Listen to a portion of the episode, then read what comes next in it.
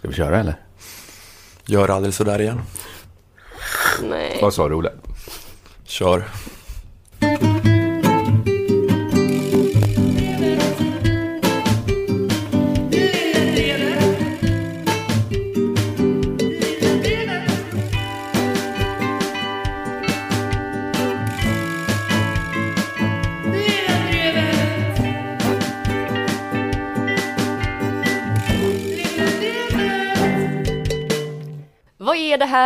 Här? Jo, det är podden Lilla Drevet som ges ut av Aftonbladet Kultur.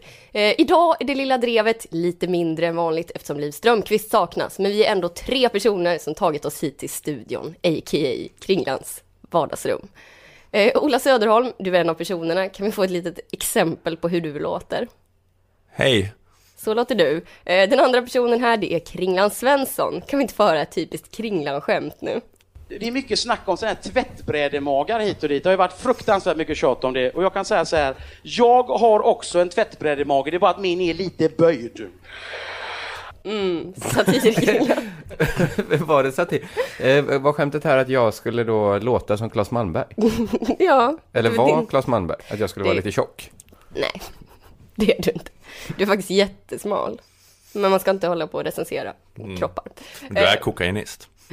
Det påverkar väl inte min kropp? Nej. Eh, Men, det, men eh, vi kanske ska säga det ifall någon är orolig att eh, Liv Strömquist har inte slutat. Utan Nej, vi kommer precis. ha lite sån grej att vi kommer vara tre av fyra ibland bara. ja. Men så får det väl inte vara att folk genast blir oroliga bara för att någon inte är här? Nej, kanske Jag inte. vill att de ska vara oroliga nästa vecka då jag är på semester. Ja, ja, då, Ja. då, då får folk bli oroliga av den här podden. Ja, Eh, den tredje personen här det är då jag, Nanna Johansson, eh, och jag låter så här, eh, som en tonåring veckan innan han når målbrottet. Ungefär. Idag kommer det bli ett episkt Lilla Drevet, för vi ska prata om så intressanta ämnen som Beyoncé, fransmän och åsiktskorridorer. Mm, precis. Men först tänkte jag att vi skulle titta lite på de nyheter som har varit aktuella sedan den senaste podden. Säter vill släppa Sture Bergvall fri.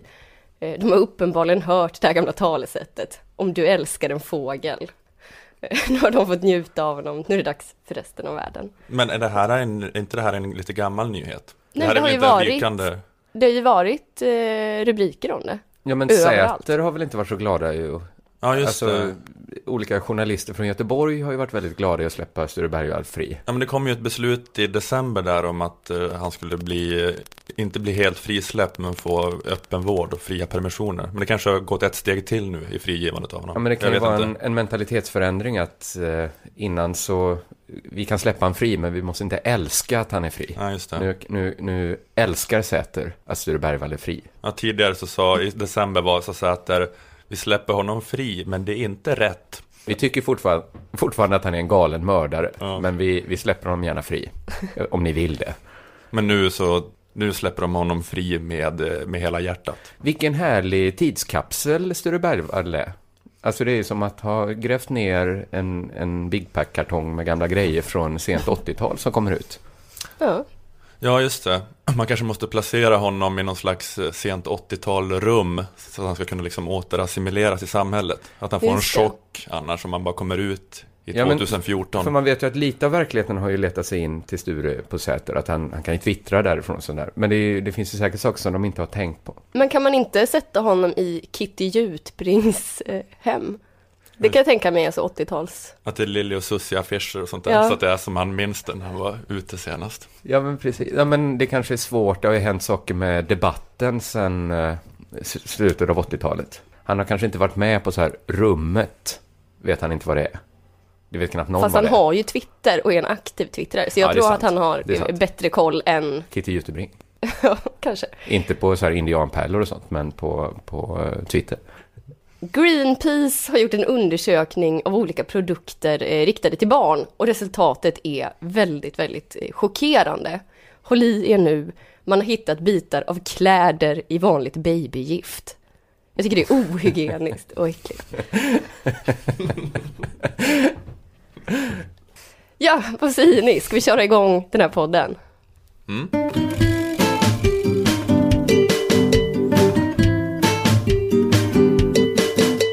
Innan vi startar på allvar så ska vi såklart nämna att vi har en sponsor som vi är väldigt förtjusta i, nämligen Akademikernas a-kassa.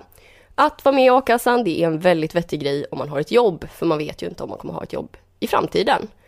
Nej, det gör ju också chansen större att man kanske vill eh, byta jobb en dag. Så, så jobbar ju folk nu för tiden. Och då kan det ju vara skönt att, att eh, i den mellanperioden kan man ju vara arbetslös då. Just det. Eh, ja, det kan verkligen vara värt att betala 90 kronor i månaden och vara säker på att man får ut pengar om man blir arbetslös. Eh, Jag sa ju förra gången tror jag att man var tvungen att spara 90 kronor i månaden i 600 år i, i, istället då för att vara med i a-kassan. Om man skulle spara ihop till en månadsersättning, a-kasseersättning. Det var någon som skrev till mig på Twitter att det var, jag tror det var 14 år. 14 år. Ja. Om man Okej. sparar 90 kronor i månaden i 14 år så kommer man upp i en månads ersättning. Då det låter inte värt det. Nej, då är det mycket bättre att bara vara med i a-kassan. Det verkar bekvämare för att, Och då, då är det flera månaders ersättning, det är inte bara en månad.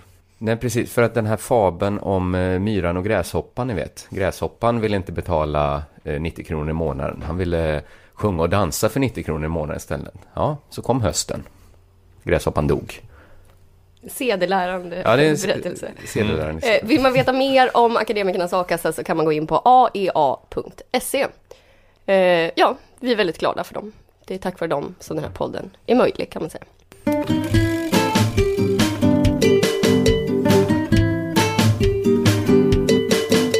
Who run the world? Girls! Ja, det är rätt. Det är rätt, Nanna. Girls run the world. Jag tänkte tala lite om eh, feminismens heliga graal. Den gordiska knuten inom svensk mediefeminism. Kan ni tänka er vad det är? Simone de Nej, Beauvoir, nej, nej, nej. Och Det är inte hon som har sjungit in Who run the world. Det är Beyoncé. Nina Björk. Det, det är inte Nina Björk, utan det var Beyoncé. Det var ingen kuggis, utan det är Beyoncé. Eh, jag ska nu göra mig till villebråd. Till ett lätt byte. Jag ska, jag ska pensla mig själv i honung och rulla mig i en myrstack. Jaha. Ja, men, jag är ju man. Mm. Ja, det behöver ni inte säga något ta- taskigt om. Nej, nej. Eh, jag är ju vit. Jag är ju rik. Jag, ja, men det är jag ju. Du ska se mitt kontoutdrag. Ja, Eh, nej, men du har, du har jätte, jättemycket pengar. Jag har rätt mycket pengar, det får jag ändå säga. Jag, av alla människor, ska prata om feminismen. Det, det kan ju rika göra i och för Är sig. det dags för mig att vässa mina tänder? Ja, men det är det nog. Jag, jag, jag hör ju nästan, nu spelas det här in innan folk lyssnar, men hade det varit live hade jag ju hört hur tänder vässades som på olika redaktioner. Det är ju som att skicka gänget som spelar bocce i Paralympics rakt in i en fightinggala.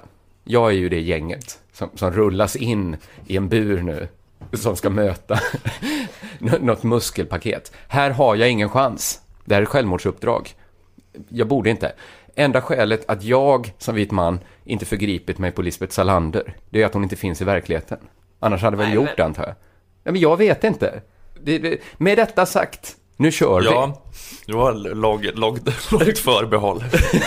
Det, det var något, jag vill ha ryggen lite, lite fri. Be om, be om ursäkt-delen utav ditt anförande är slut nu.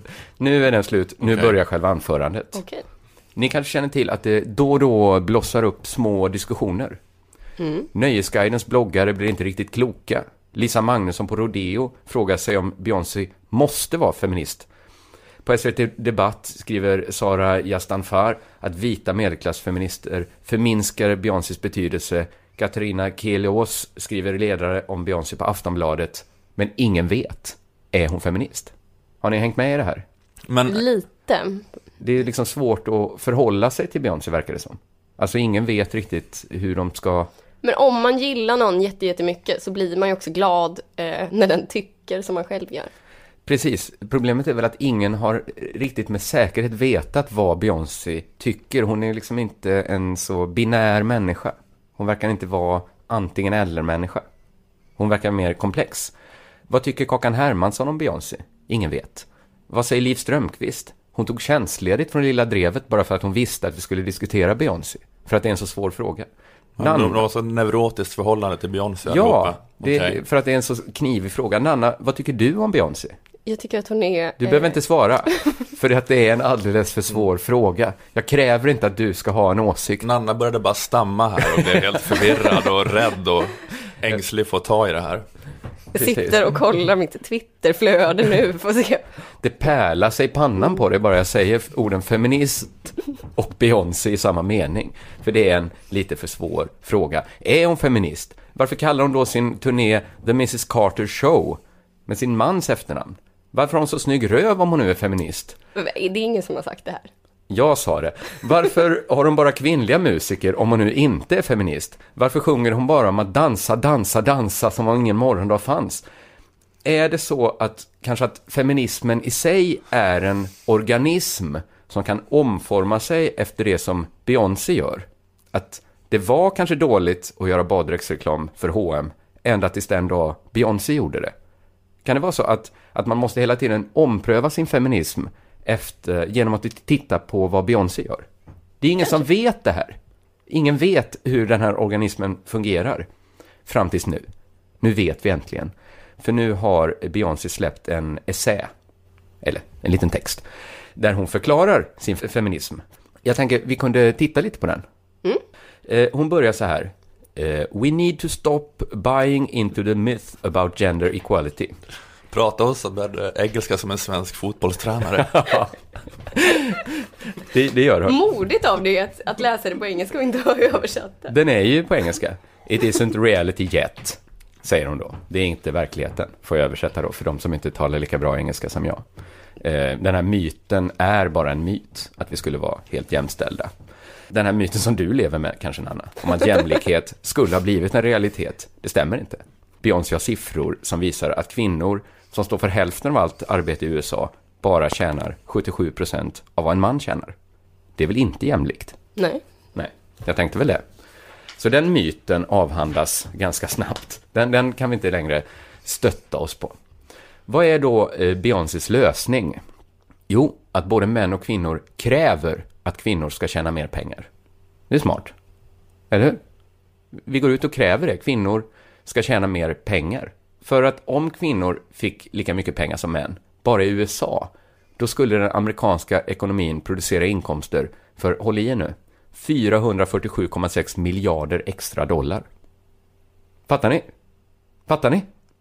Ja. Det finns alltså 447,6 miljarder dollar mer. Pengar som inte fanns igår skulle kunna finnas imorgon. Det skulle bli så himla, himla mycket pengar om vi bara gjorde som Beyoncé sa. Och det bästa av allt, det här skulle inte vara besvärande för män. För det skulle ju bara bli mer pengar. Männen skulle inte behöva dela med sig av sina pengar. Om vi bara går ihop män och kvinnor, svarta och vita, rika som fattiga och kräver att mer pengar trycks upp.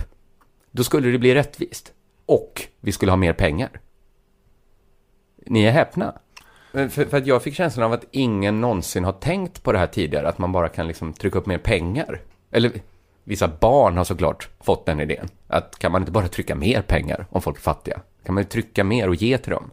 Och det är klart att i Zimbabwe så försökte ju Robert Mugabe lösa den ekonomiska krisen genom att trycka upp mer pengar och dela ut. men är det det hon föreslår, Beyoncé? Nej, men hon tycker ju att bara kvinnor tjänar mer pengar så blir det bra. Om vi bara för in mer pengar. Eller vad, vad ska de pengarna tas ifrån? De ska Nej, hon inte vill tas ha en ifrån ökad, män. hon vill ha en ökad tillväxt, antar jag. Och, och den tillväxten ska tillfalla kvinnorna. Ja, men då har vi inte problemet då att den ekonomiska vinsten skulle bli lika stor om männen tjänade ännu mer pengar. Ja, Alltså, den, den säger väldigt lite om, om jämlikhet. ja det gör det. Eh, ja, det är svårt, den är väldigt kort, hennes essä, som den har kallats när den har delats på Facebook. Eh, men en lösning skulle då vara att ha det som i Zimbabwe, att man till slut har sedlar som är värda 100 biljoner dollar, som man hade där. Fast det skulle ju göra männens eh, förmögenhet mindre också. Det Absolut, skulle ju- men det skulle ju inte göra ekonomin bättre, som är hennes eh, unique selling point här, med, med hennes teori. Att det att då kräva att alla kvinnor får en 100 biljon sedel, så att det ska bli rättvist, och männen slipper dela med sig. Skitsamma, det, det är klart att det här inte är, är en jättebra teori på något sätt. Det viktiga är ju att vi äntligen fått svar på om Beyoncé är feminist. Ja, men hon har ju identifierat problemet med ojämlikhet. Så att hon inte liksom kanske tänkt så klart när det gäller lösning. Nej, men, men hon ser, hon har ändå den feministiska glasögon, eller när hon, hon kan se samhället, De- ojämlikheten. Färgglada tantglasögonen som många feminister har på sig. Nej, Va? Tina Rosenberg har ju jätteglada. Ta bort det. ha kvar det. Beyoncé är feminist. Nu vet vi det. Eh, hon är kanske inte någon så här elitistisk eh, Maria Sveland-feminist. Hon är kanske mer eh, någon Karlsson på taket-feminist som tycker att samhället behöver lite kuckelimuck-medicin. Den typen av feminist är hon kanske lite mer. Att det behövs mer kuckelimuck-medicin i samhället. Men egentligen spelar det kanske ingen roll. För till skillnad från eh, alla universitetsfeminister och Gudrun Schyman så gör ju Beyoncé någon verklig skillnad. Ja, precis. Hon är lite grann som att, att eh, även om det hon säger inte är så spektakulärt så är det bara, bara att hon säger något. Alltså det är som när påven säger något som bara är pyttelite bra så får det väldigt stor effekt. Ja, precis. För att en miljard katoliker lyssnar. Hon kanske är för feminismen vad Bert Karlsson var för främlingsfientligheten. Ett vackert ansikte. Någon att hålla i hand. Någon som kan tala till folk så att folk förstår. Det är en ja, halsbrytande liknelse. Men... Ja, men för man får ju ändå säga att hon fått fram, hon får ju fram goda feministiska resultat. Och inte genom att ha rätt, utan genom att vara en härlig människa. Jag tycker det är ganska intressant att det kanske inte är så jävla viktigt att ha rätt hela tiden. Utan att det blir rätt är viktigare. Ska jag lynchas nu? Nej, Nej. det tror jag inte. Nej, vad bra. Ingen vad skönt. fara. Ja, tack.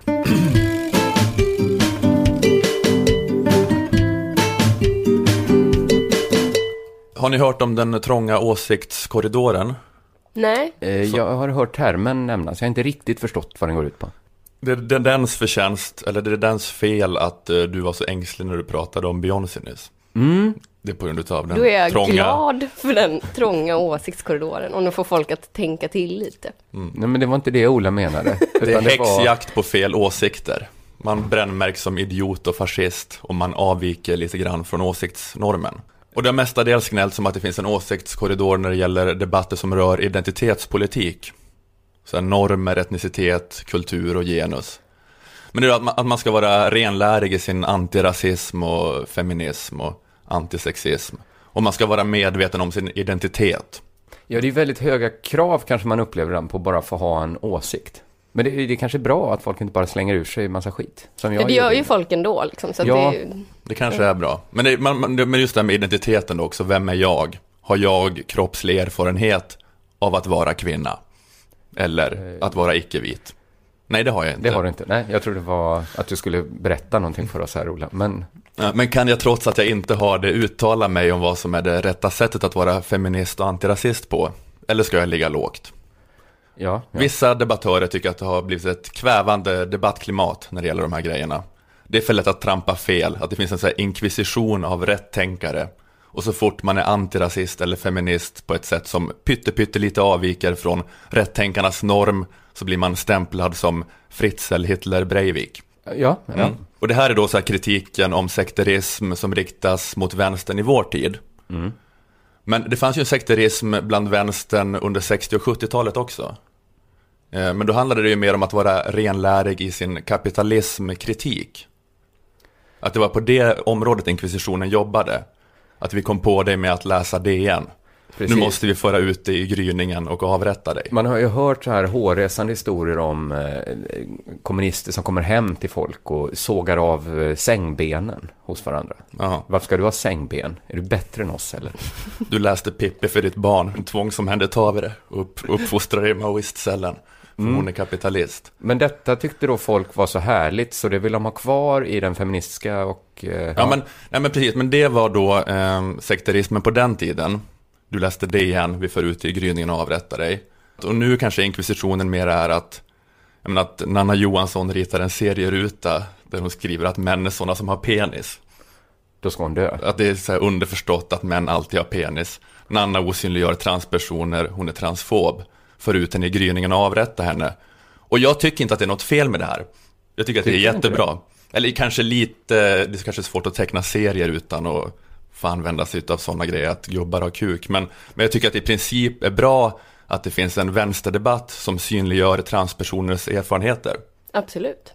Att det, det är bra att det finns en sån debatt också. Men jag kan tycka att det är lite konstigt att vänstern så mycket har glömt bort den här förra sekterismen. Alltså särskilt i den här tiden då kapitalismen har spårat ur mer än någonsin. Du Alltså- vill ta tillbaka den mer? Ja, precis. Det är inte att jag vill ha bort ena åsiktskorridoren, jag vill ha fler åsiktskorridorer. Ja. Aha, Ja, ja, ja. jag tycker det låter bra. Ja, för att kapitalismen har spårat ur tio gånger mer nu än vad den hade gjort då på 70-talet. Då det var sekterism om den. Vi har då ökade ekonomiska orättvisor och framförallt den här liksom ekologiska katastrofen kapitalismen är på väg att skapa.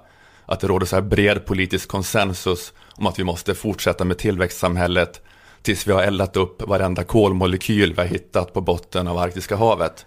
Och när så ekonomismen är på väg att skapa ett postapokalyptiskt Mad Max-samhälle där det är alla krig mot alla om den sista bensinen, då känns det så här orimligt att vänstern bara ska fokusera på att Ulf Brumberg saknar insikt om den patriarkala, heteronormativa, cisnormativa, vithetsnormativa diskursen. Ja. Nej, men min poäng då är att jag tycker att det är jättebra att vänstern fokuserar på Ulf Brumbergs bristande insikter om eh, cis-normen också. Men att det kan inte bara vara det i det här läget vi är nu. Inte bara om huruvida Miley Cyrus har rätt att twerka, twerka, vad heter det? Jag vet inte, du anklagade mig för att prata dålig engelska alldeles nyss, så jag ska nog inte säga så mycket. Ja, men för det, jag tror också, det är också de ekonomiska orättvisorna och det så här framväxande Mad Max-samhället eh, som gör folk arga och rasistiska och sexistiska. Tror jag. Så det blir ju sämre också ur identitetspolitisk synpunkt. På det viset också. Alltså i Mad Max-samhället då kommer vi bara bli våldtagna av olika krigsherrar hela tiden. Bara. Och, och då kommer vi kanske längta tillbaka till tiden då Nanna Johansson var problemet. det kommer ses som en guldålder. Jag har ju haft en period i mitt liv när Nanna Johansson varit problemet. Mm. Ja, men för det är också, för när, man, när vänstermänniskor pratar om identitetspolitik så är det lite svårt att eh, komma åt eh, kapitalismen.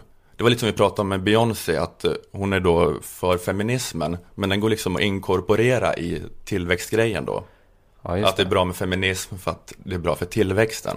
Eh, Alltså de kamperna kan alltid plockas upp av kapitalismen. Så här, ja visst, vi ska vara feminister. I riskkapitalbolagets styrelse ska det vara lika många kvinnor som män. Det ska finnas icke-vita och transpersoner som är hedgefondmäklare. Just det. Och då kan man ju tycka egentligen att spelar det här så stor roll för vänstern?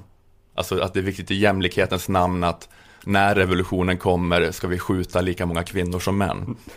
Nej, det kan, nej, det blir ju lite, det var så vidrigt i koncentrationslägren för att det var bara vita män som vaktade, inte en enda transa. Det var liksom gaskamrarna, det var liksom som svenskt näringsliv, hallå, vart har jag kommit? Getting engaged is a moment worth cherishing. A one of a kind ring that you design at Blue Nile can help your love sparkle. Just choose your diamond and setting. When you found the one, you'll get it delivered right to your door. Finding the right engagement ring can be nerve wracking. At Blue Nile, you'll have the expert guidance needed and a diamond guarantee that ensures you're getting the highest quality at the best price. Cherish all of life's moments and save up to 30% at BlueNile.com. That's BlueNile.com. Eller? Nej, fy fan, Grim. Ja, men som sagt, mitt problem är inte att det finns en eh, smal åsiktskorridor, utan mitt problem är att det finns för få smala åsiktskorridorer. Att det är väl jättebra att man är inkvisitorisk och aggressiv mot de som tycker fel. Ja. Men man, kan in, men man kan inte bara vara det när det gäller identitetspolitik. Jag tycker du har en jättebra poäng. Jag tycker också det var en bra poäng. Så, det, så efterlyser alltså en trång åsiktskorridor också när det gäller debatten om ekonomisk politik. Att den ska vara lika hetsig, uppeldad, fördömande stämning. Men var det inte den som var den sekt sektaristiska som du klagade på från Nej, jag 70-talet? klagade inte på Du det. klagade inte Nej. på Det det? var ju en Jag, hyll, jag, jag har hyllat all sekterism. Du har gjort, ja ja, för jag tyckte det fanns något raljant det där med att man skulle skjuta som man läste DN, men det var Ja, det, jag, det, jag, uttryckte mig kanske lite drastiskt. Ja. Men, jag, men jag menar att i princip är det jättebra med sekterismen vi har nu och det var jättebra med den som fanns då. Vi måste bara plocka upp den som fanns då igen. Men jo, men att det ska vara lika eh, hetsig och fördömande stämning i debatten om ekonomisk politik. Alltså att när någon socialdemokrat, moderat, ekonom som typ så här Lars Calmfors skriver på DNs ledarsida om vilka strukturomvandlingar som måste göras för att få fart på tillväxten i euroområdet. Då vill jag att han bemöts på samma sätt på Twitter som Carl Johan Carlsson bemöttes efter den där Expressen-krönikan om att det är konstigt att tjejer får anorexi eftersom att forskningen visar att killar tänder på kurviga brudar med smala midjor. Just det. Att det ska vara sådana tweets. Den här texten är så sjuk. Hur kan det här ens skrivas i Sverige 2013? Den här mannen har ingen skam i kroppen. Idiot. Varför skulle någon bry sig om vad du tycker om ekonomi? Lätt det sjukaste jag läst på jävligt länge. Längtar verkligen efter att höra fler killar lufta sina åsikter om ekonomisk politik. Något. Sådana tweets vill jag se. Jag tycker det låter helt fantastiskt.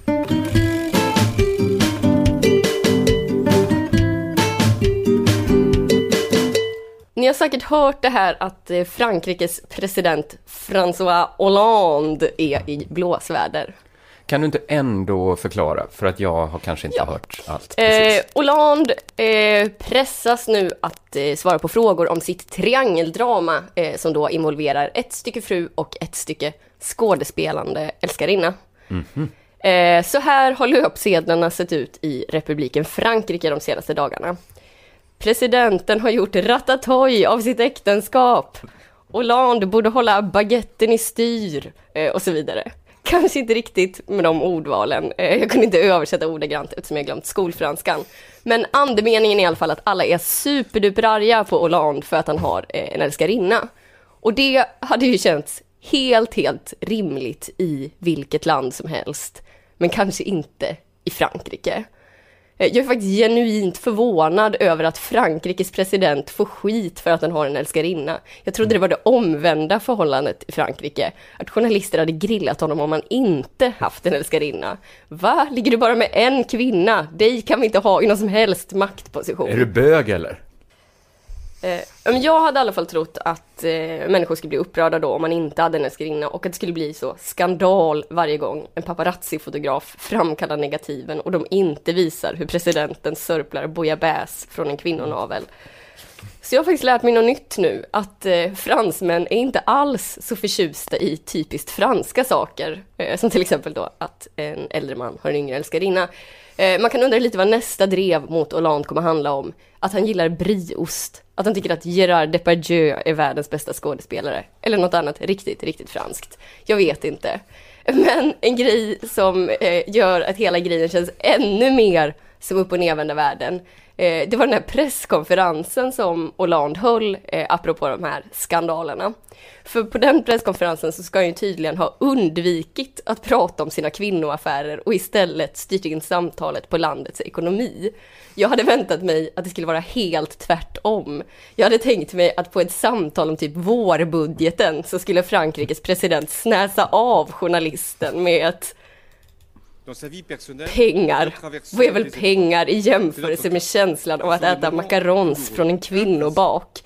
Vem vill tänka på ekonomi när det finns kvinnor, franska ljuvliga små kvinnor som är så späda att man når runt med båda händerna om deras midjor? Har du någonsin nått runt med båda händerna om en kvinnas midja? Har du upplevt känslan av att fingertopparna snuddar vid varandra runt den späda, späda kvinnokroppen? Nej, så kom inte här dragandes med någon vårbudget, s'il vous plaît. Eh, lite så hade jag förväntat mig att en fransk presskonferens skulle låta. Så mina fördomar har ju verkligen kommit på skam här. Ja, du hade Eh, verkligen fördomar får man säga. Ja. Det var ju väldigt fördomsfullt tänkt av dig. Ja, Ja. jag, så jag ber om ursäkt till, till Frankrike. Ja, det tycker jag du ska göra. Men det var en nyttig Men erfarenhet. det, de kallar hans, eh, François Hollandes kön kallas Le Baguette i Frankrike. Det var det du sa. Nanna hade velat att han bara löste hela presskonferensen genom att sticka fram två fingrar. Lukta här. Så skulle, så skulle han skött presskonferensen så att Nanna skulle bli nöjd. Men det är väl inte en sån, de är, väl- det är väl inte en sån kåthet. Det är väl, det, för den franska kåtheten är inte så vulgär. Lukta här, det är kanske mera brittiska arbetarklass, eller ja, Berlusconi kanske. Är det, en italien, det är era italienska fördomar. Jag känner ju, är det bara jag som inte har fördomar? Är det det? Ja.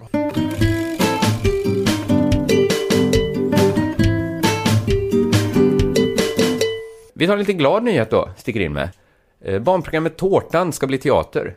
Kommer ni ihåg Tårtan? Nej. Nej, det är konstigt. Ola är ju äldre än Anna.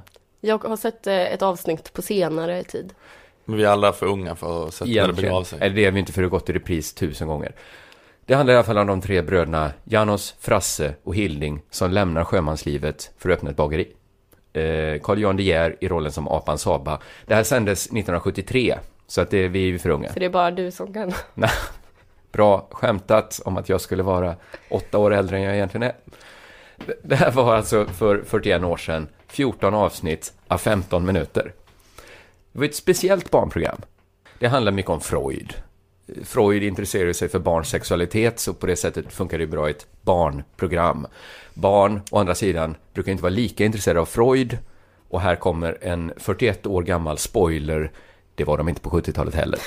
Eh, det var inte de bitarna som barnen älskade mest. De kanske, de kanske kunde se tjusningen i Carl Jan De Geer i apkostym. Eh, och så kunde de vuxna uppskatta de här eh, psykoanalytiska bitarna för mig var det, det kom lite som en överraskning att det var så himla länge sedan tårtan skapades. Att det var 1973. Och att det bara rör sig om 14 kvartar. För visst har det pratats mycket om de här 41 år gamla kvartarna. Mm. Under hela mitt liv. Jag tror att mitt första minne är en debattartikel på DN Kultur om tårtan. Det är det första jag minns. Eh, att jag hittade en gammal tidning och läste en debattartikel det gick. Det gick alltid i repris. Eh, och Tårtan var ju ett väldigt nyskapande barnprogram. Det var därför folk älskade och hatade det så mycket. Det liksom drev utvecklingen av humor för barn framåt. Inget ängsligt tillbakablickande, helt i tidens anda. Eh, så, så även om många hatade Tårtan då för att det var obegripligt, byggde på snåriga psykoanalytiska teorier, var äckligt, så fanns det många som älskade det av samma anledning, att det var nytt och helt annorlunda. Därför kan jag tycka att det är lite märkligt att de som älskade det, alltså att det var nytt och annorlunda 1973, tycker att det är det samhället betyder. Samma sorts nytt och annorlunda. Alltså att, att, det, att då kom vi fram till vad som ska vara nytt. För resten av tills tidens slut mm. så är detta nytt. För okay. ett 40 år gammalt barnprogram som gått i repris tusen gånger kan ju per definition inte vara nytt. Det mest kanoniserade barnprogrammet i svensk tv kan per definition inte vara annorlunda. Eller hur? Nej.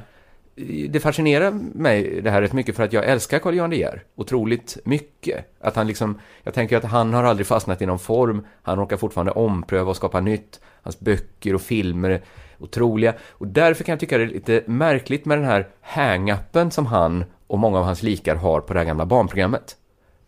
Mm. Eh, det här då apropå att det ska bli teater. Men den lyckas behålla både sin, eh, att, sin liksom eh, outsider, underdog Precis. position. Samtidigt som den är, har varit normen jättelänge. Eller, eller solen som planeterna cirkulerar runt. Ja, det var väl en bra metafor. Den är både solen och Pluto samtidigt. ja, precis. Exakt så. 2011 skrev filmvetaren Marianne Jansson en understreckare som handlar om hur bra tårtan var. Att vi aldrig kommer få se ett sånt barnprogram mer. Hon avslutade med att citera eh, Carl Johan De Geer. Jag ska läsa här vad han sa. Eh, då han sa, en serie som Tårtan kan aldrig mer göras. Synd tycker somliga, bra tycker andra. Så låt oss bara stanna upp där.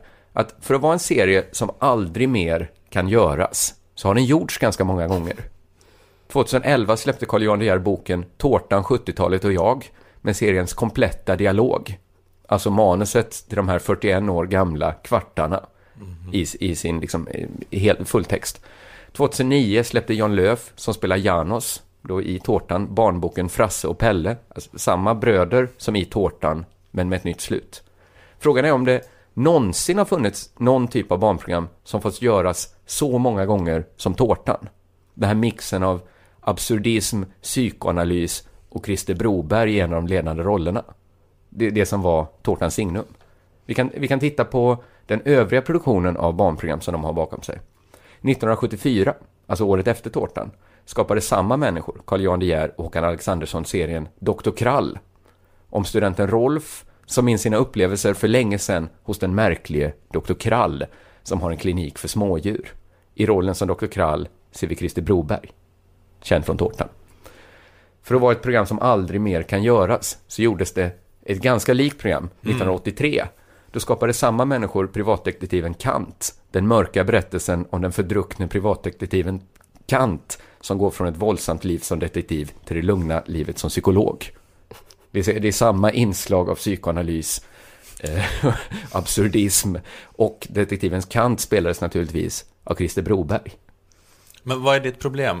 Mitt problem är kanske att talet om tårtan som så unikt att det aldrig mer fick göras har aktualiserats lite av att det nu också ska bli en teater. Alltså hur många hur, hur älskat kan det här svartvita barnprogrammet vara? Mm. Men är det bra, eller? Det är svårt att säga. Jag- Det var ju ett barnprogram som gick för 41 år sedan. Jag, Okej. jag har inget supercase här, men är det inte konstigt att Stockholms stads... Är det inte konstigt att Stockholms stadsteater nu ska sätta upp Tårtan som teater, manus Carl Johan De Geer, alltså mannen som hävdar att det aldrig någonsin kommer kunna göras en serie som Tårtan mer. Mm. Mm. Men är inte det liksom kanske 40-talisternas allra märkligaste hang-up? Att Tårtan skulle vara ett sånt unikt bidrag. Ja, men tårtan kan inte bekräftas nog mycket. Nej, Det är alltid missförstått och, eh, och nedtystat.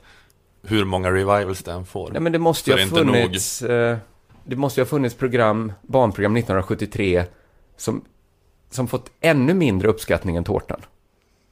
Det måste gå att hitta något barnprogram som fått ännu mindre uppskattning och som inte gjorts, som gjorts om ännu färre gånger. Mm. Men det verkar ju inte så. Men jag tycker att det verkar så. Jag tycker det verkar som Tårtan är jättepoppis.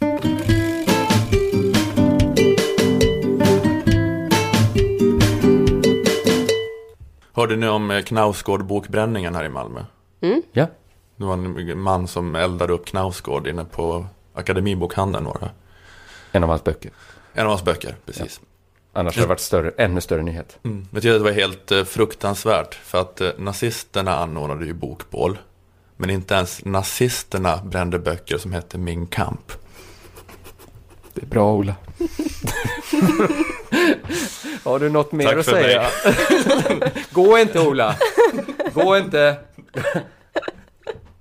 Ja just det, men jag hade en annan Jag läste en annan grej, de har hållit på att dela en nyhet på eh, Twitter idag Våra komiker, kollegor och vänner Har Mm. du sett det Kringlan? Jag, jag tror jag vet vilken nyhet eh, du ska komma in på. Men för Cool. lyssnarnas skull, berätta om det. Komiker har i betydligt högre grad än andra människor psykotiska karaktärsdrag Det hävdar en studie publicerad i British Journal of Psychiatry Psykotiska? Psykotiska karaktärsdrag Ja, jag Alltså trodde det var att- psykopatiska. Men alltså psykotiska, att man skulle leva i, ha svårt, märklig verklighetsuppfattning alltså. De kreativa element som krävs för att producera humor är slående lika de karaktärsdrag som utmärker människor med psykoser. Både schizofrena och de med bipolära sjukdomar, säger den ansvarige för studien. Gordon Claridge. Härlig källkoll Mm. där, att du hade en källa. Ja, Eh, att du inte bara läser från din mobil just nu. det är en människa med ett namn som har gjort den här studien. Så det säger någonting bara det. Du vet inte om det är en människa. Nej, eh, Men, eh, men vad då tycker ni det stämmer? Vi, vi kan väl testa på oss själva då, eftersom vi jobbar ju inom fältet humor allihop. Jag vet inte. Ja, men det, det jag har tänkt på är att alla är så extremt glada. Alltså alla som delar den här eh, nyheten på Twitter blir så himla glada. Alla komiker. Känner sig sedda. Ja, men att alla dåliga egenskaper man kan ha som är en fjäder i hatten för komiker. Att man är, menar, att man är psykotisk, att man är deprimerad. Att man skulle vara en lite mer spännande person. Ja, man har närhetsskräck. Sånt där. Ja, just det. det All, allt förutom, man, man vill ju, det, det, man, man vill inte ha att man är, inte är rolig. Men alla andra. Just det, det är ganska vanligt att någon standup-komiker går upp och säger Jag är singel Och så skrattar alla, för det fattar vi väl.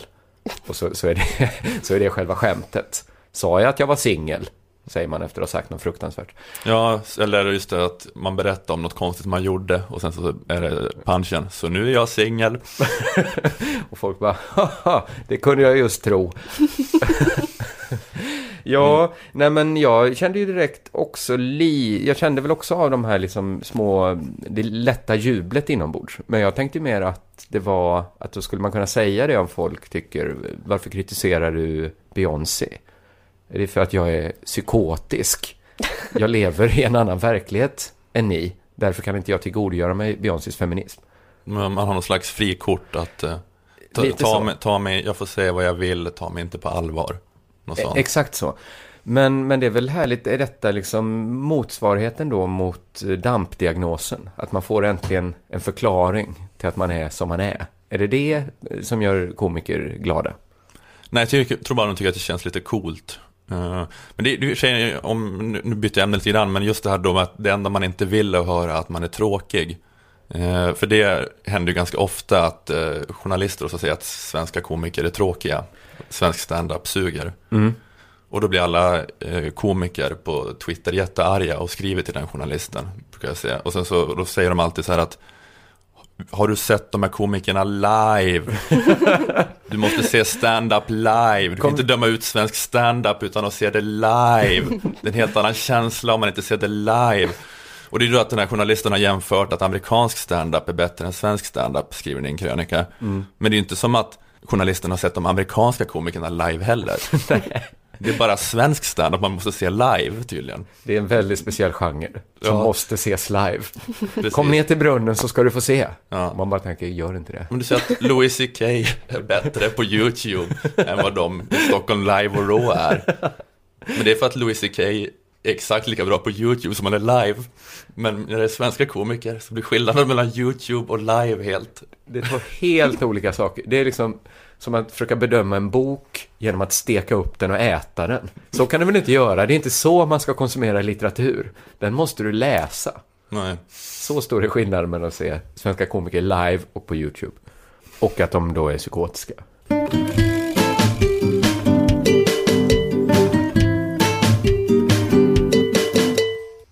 Lilla Drevet är slut för idag. Eh, tack till er, Ola och Kringlan. Tack till mig, Nanna, och eh, tack till Akademikernas A-kassa. Ja, tack så hemskt Eh. mycket för att ni sponsrar den här podden. Och tack alla som lyssnar. Tack ska ni ha.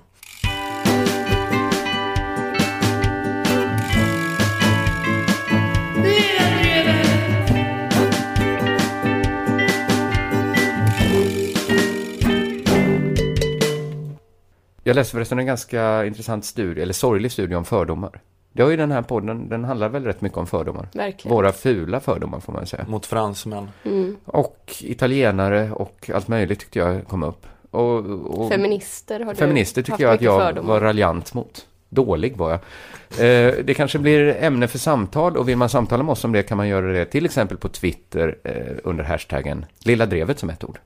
Mm. Men den här undersökningen visade att människor med hög utbildning, alltså svarta människor med hög utbildning, uppfattas ha ljusare hud än de egentligen har. Det är ju deppigt. Att man liksom gradar ner dem, för man får inte ihop i sin hjärna att en eh, svart eh, människa skulle kunna ha hög utbildning. Så att man upplever att de har ljusare hud. Ja, oerhört sorgligt. Jag, menar, jag vet ju, ni upplever ju Horace Engdahl som vit. Mm. Mm. Det säger en del. Mm.